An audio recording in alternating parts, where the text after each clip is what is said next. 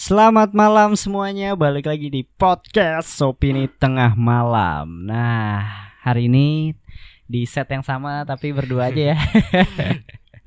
Faris lagi di belakang kamera, lagi nggak bisa ikut dia. Dan hari ini tentunya gue mau ngebahas orang hilang lagi ya. Iya nih Iya. segmen terus orang hilang. Iya apa ya Fet nama segmen yang dulu ya Fet ya Pokoknya kalau sama Bagas itu Ini gue kita ada beberapa segmen nih Ada film. Film Hmm. masih bisa lah gue take it sendiri kadang Hmm. kan. Kadang kita bertiga. Ada Bakekok bacain komen ya. Hmm, Konspirasi berat yang tentunya selalu bertiga ya iya. Sama Faris sama lu ya. Akhir Dan bulan biasanya tuh ya. Ya akhir bulan lah Seminggu. Eh sebulan sekali lah kurang Iya, lebih ya. Terus ada sama Bagas spesialis mitos. Spesialis mitos. Dan sama lu orang hilang nih. Gitu. Nah jadi episode kali ini episode orang hilang gitu dan Fedin mungkin bisa jelasin dikit Fed kisahnya Jadi ini kisahnya tahun 80-an nih Bim. Jadi ada cewek yang Hmm. ngilang. Sebenarnya sih ngilang pada umumnya ya. Cuma Hmm. yang serem tuh dia udah abis hilang masih aja di teror keluarganya tuh Oke. empat tahun empat tahun loh di Anjir. teror iya anjir sama telepon iya sama sih yang Iya. kemung yang bukan kemungkinan besar sih yang udah pasti dia sih oke mantap mantap lu bikin gue penasaran ya namanya itu adalah Dorothy Jane Scott iya benar Iya, nah buat kalian yang tahu kasusnya bisa langsung nyimak dan buat yang nggak tahu dengerin sampai habis, oke? Pasang kacamata konspirasinya tetap open minded. Balik lagi di podcast opini tengah malam.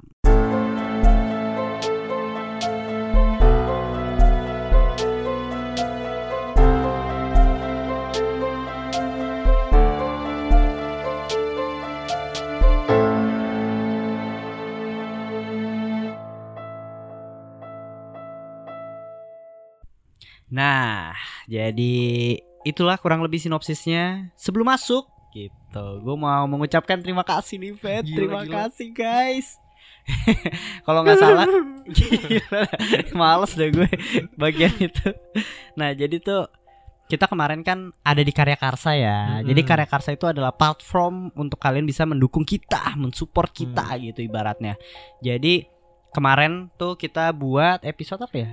9/11. iya iya 9/11 yang menabrak ke gedung WTC di mana durasi kita over durasi ya. Mm-mm. Jadi satu jam 2 menit kalau nggak Iya. salah.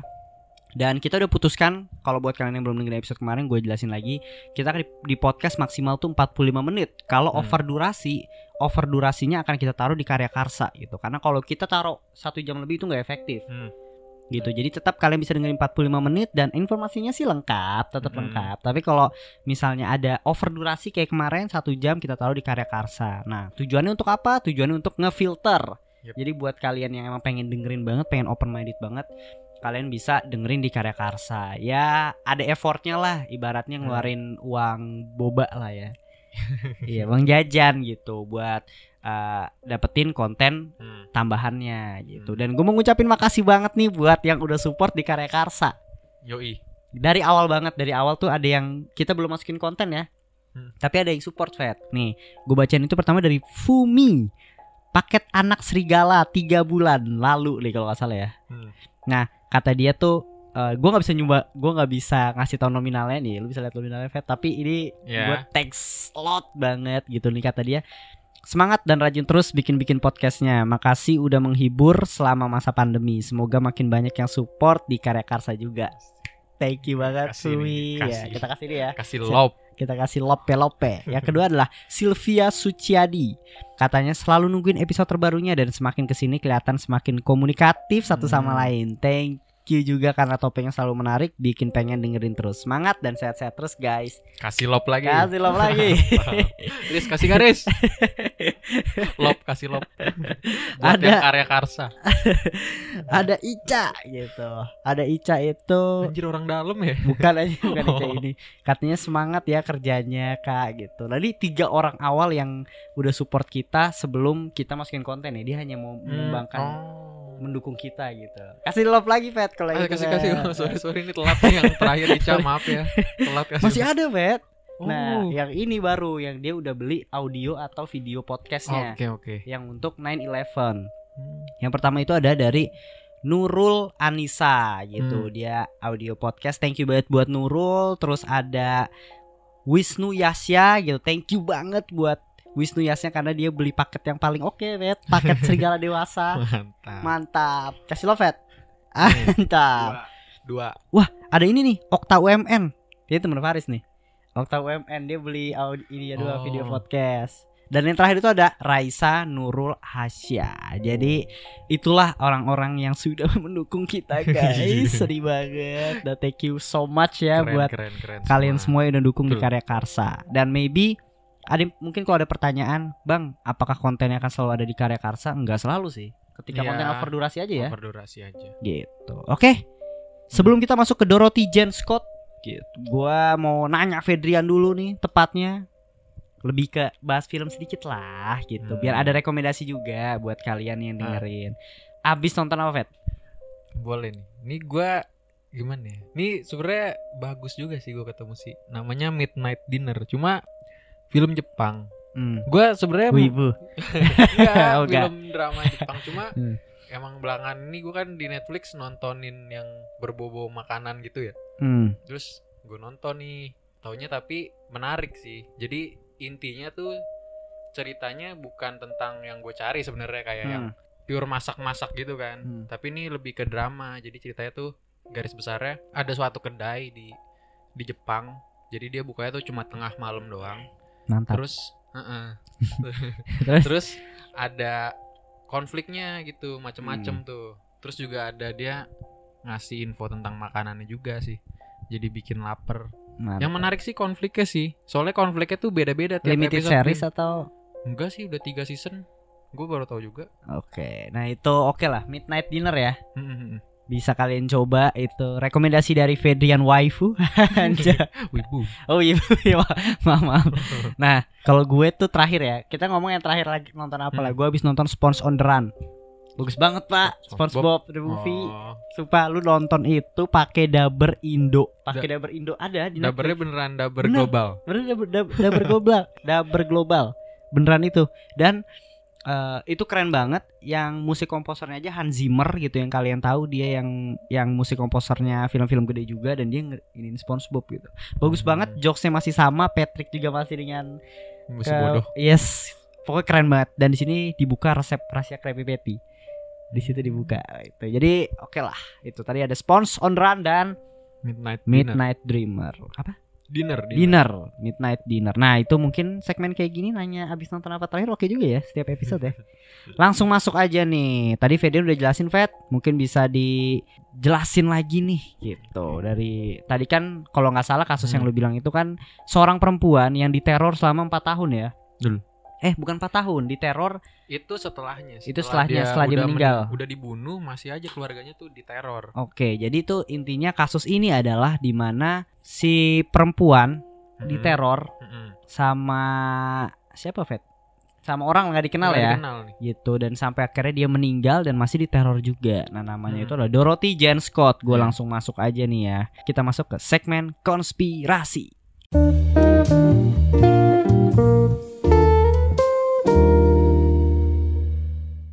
Nah, jadi backgroundnya itu pada tahun 1980 Dorothy Jane Scott seorang ibu tunggal berumur 32 tahun dan anaknya Shaun berumur 4 tahun.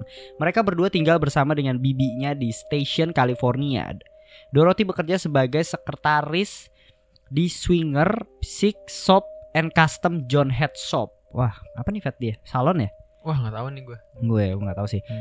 Teman dan keluarga Dorothy menyatakan bahwa Dorothy adalah seorang yang penyayang, berag- beragama sehingga jarang pacaran dan lebih memilih untuk tinggal di rumah sama anaknya daripada pergi party atau nongkrong katanya. Nah, kakak Dorothy juga menambahkan bahwa Dorothy orang yang suka memberi walaupun iya walaupun itu merugikan Dorothy. Oke. tipikal orang hilang dah sih yang baik-baik ya Iya, kayak karakteristik lu pasti hilang nih kayak gitu. iya anjir Tapi gue kepo sih, kenapa orang sebaik ini bisa bisa ya bisa hilang aja gitu. Kayak maksud gua ibaratnya dari background ini sulit untuk menemukan keburukannya gitu loh. Hmm. Ya nggak sih? Untuk orang dendam jadi kayak dia. nggak ada musuh ya Iya, jadi nggak ada musuh, tapi gua nggak ngerti kenapa dia bisa hilang nih. Nah, Fat lanjutin Fat.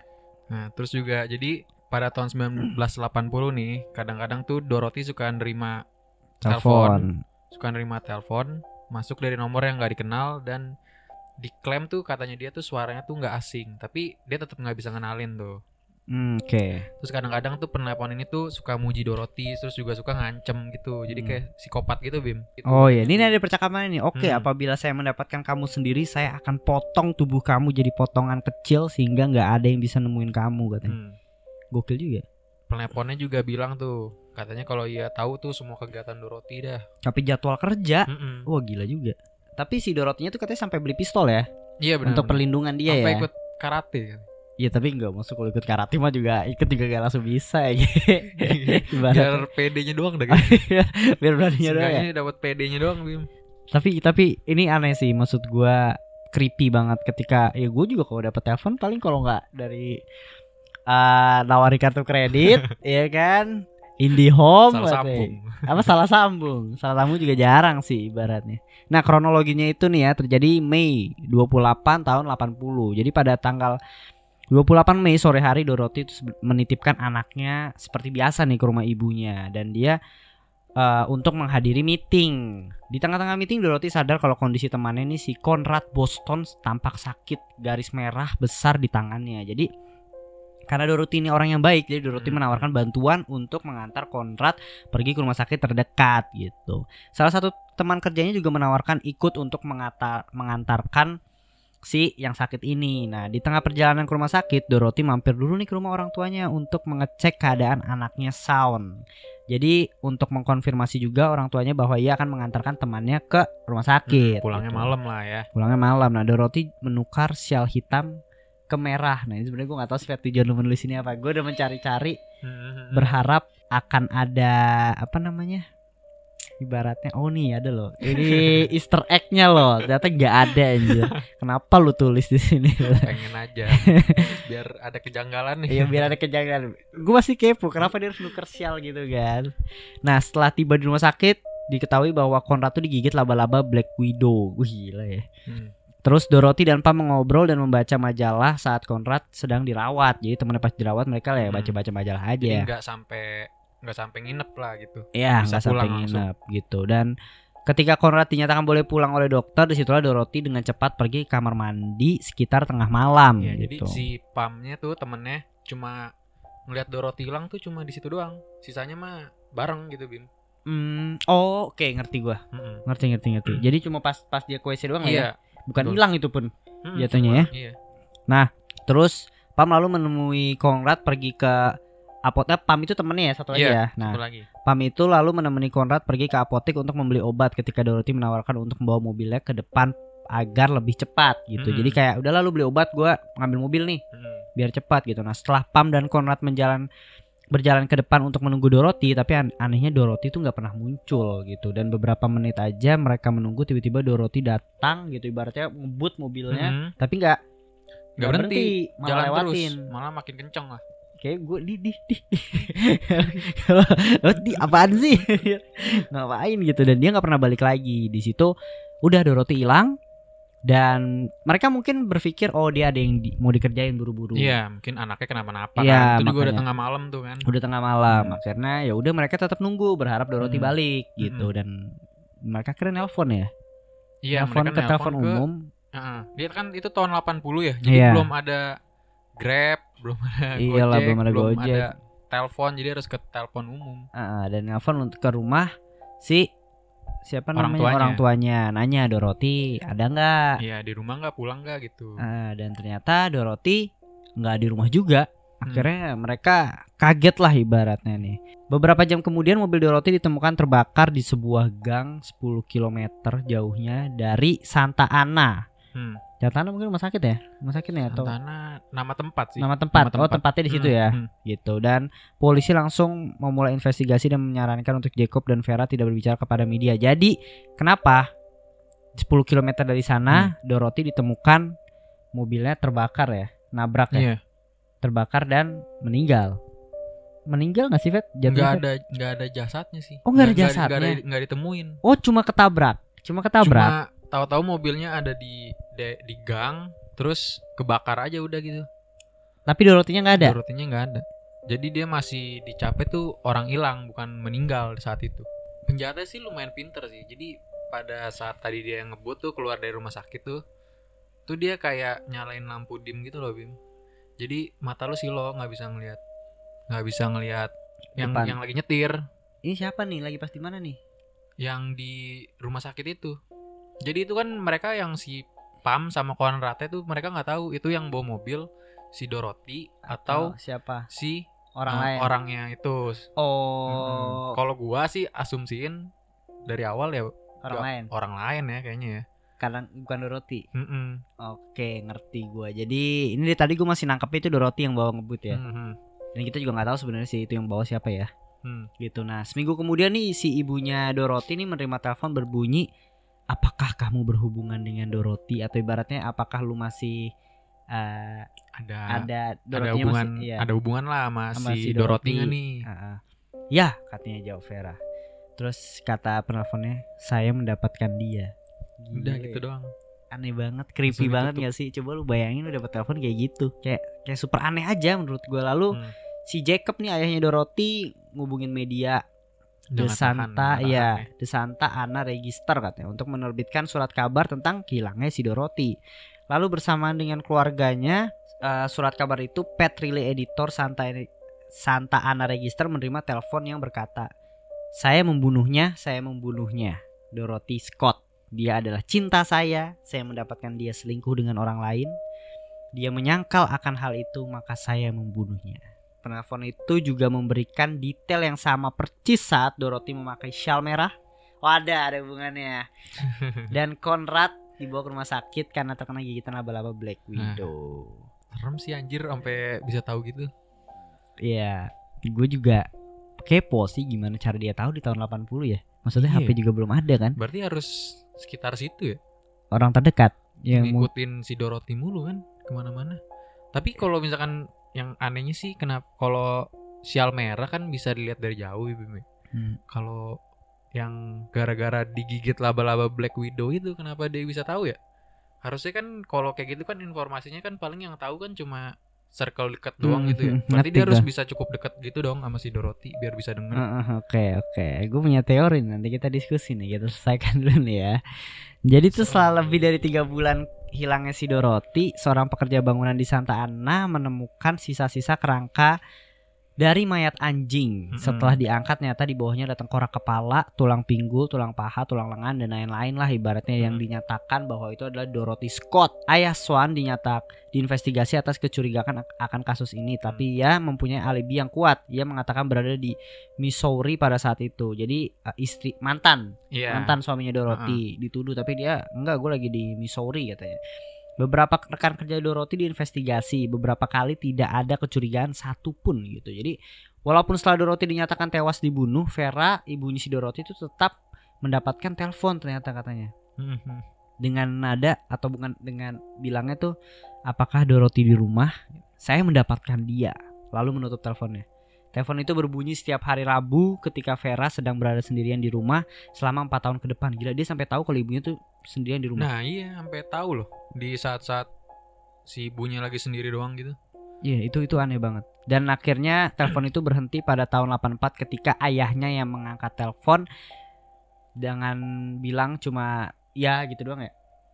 Iya halo gitu. Halo, Tapi dan- si penelponnya nggak ngomong apa-apa langsung dimatiin.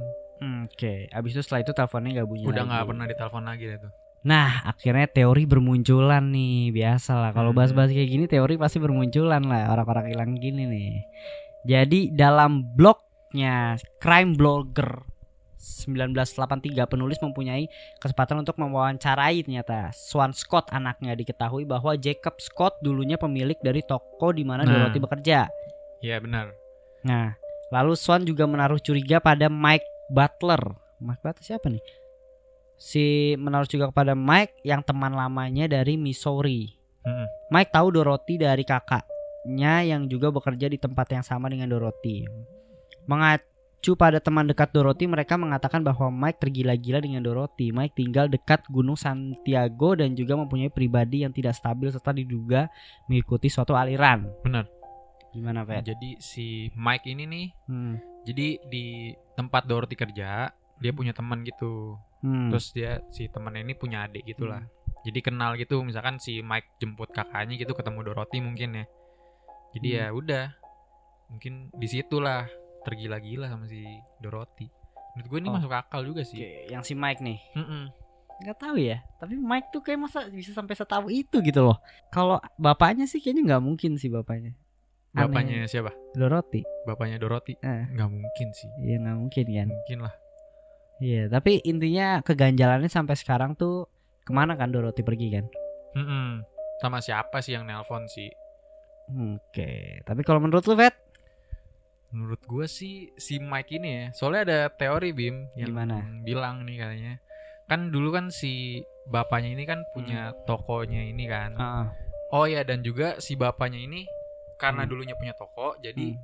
masih suka dipanggil buat benerin mesin di toko itu Hmm. jadi dia masih bapaknya tuh masih suka suka lalu lalang gitulah di tokonya jadi Hmm. ketemu ketemu gitu kan Hmm.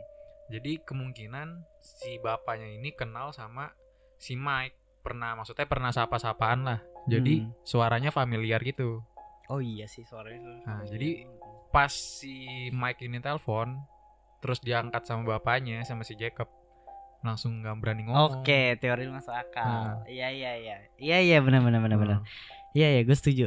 Kayaknya benar sih. Gue kayaknya udah nggak nggak bakal berteori lagi sih. Teori Iya lu paling kan? benar sih. iya sih Hah. gue juga pas baca kayaknya langsung kayak lock dah nih Si Mike sus ya. dah nih sus Iya. si sus, Mike nih. sus, sus abis tuh. Iya iya iya, boleh. Gue setuju, gue setuju banget sama pendapat lu dan ah gak ada yang bisa diperdebatkan lah. Mike iya sih karena Mike itu. Tapi kasus ini juga sebenarnya masih open juga gak sih?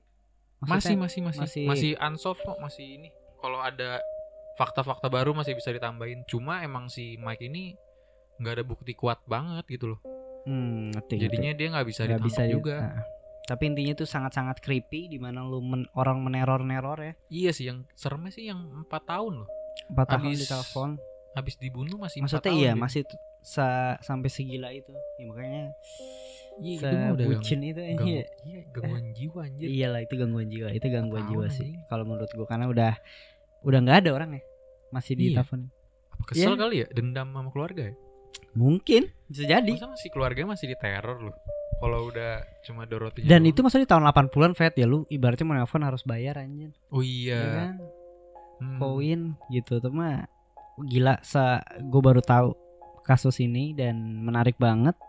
Udah solve ya. Di kita udah solve. Jadi Mike udah lu nggak Iya perlu sih. dengerin nonton nonton stop senyum senyum atau Iya detektif Conan ya. Detektif Conan Kun.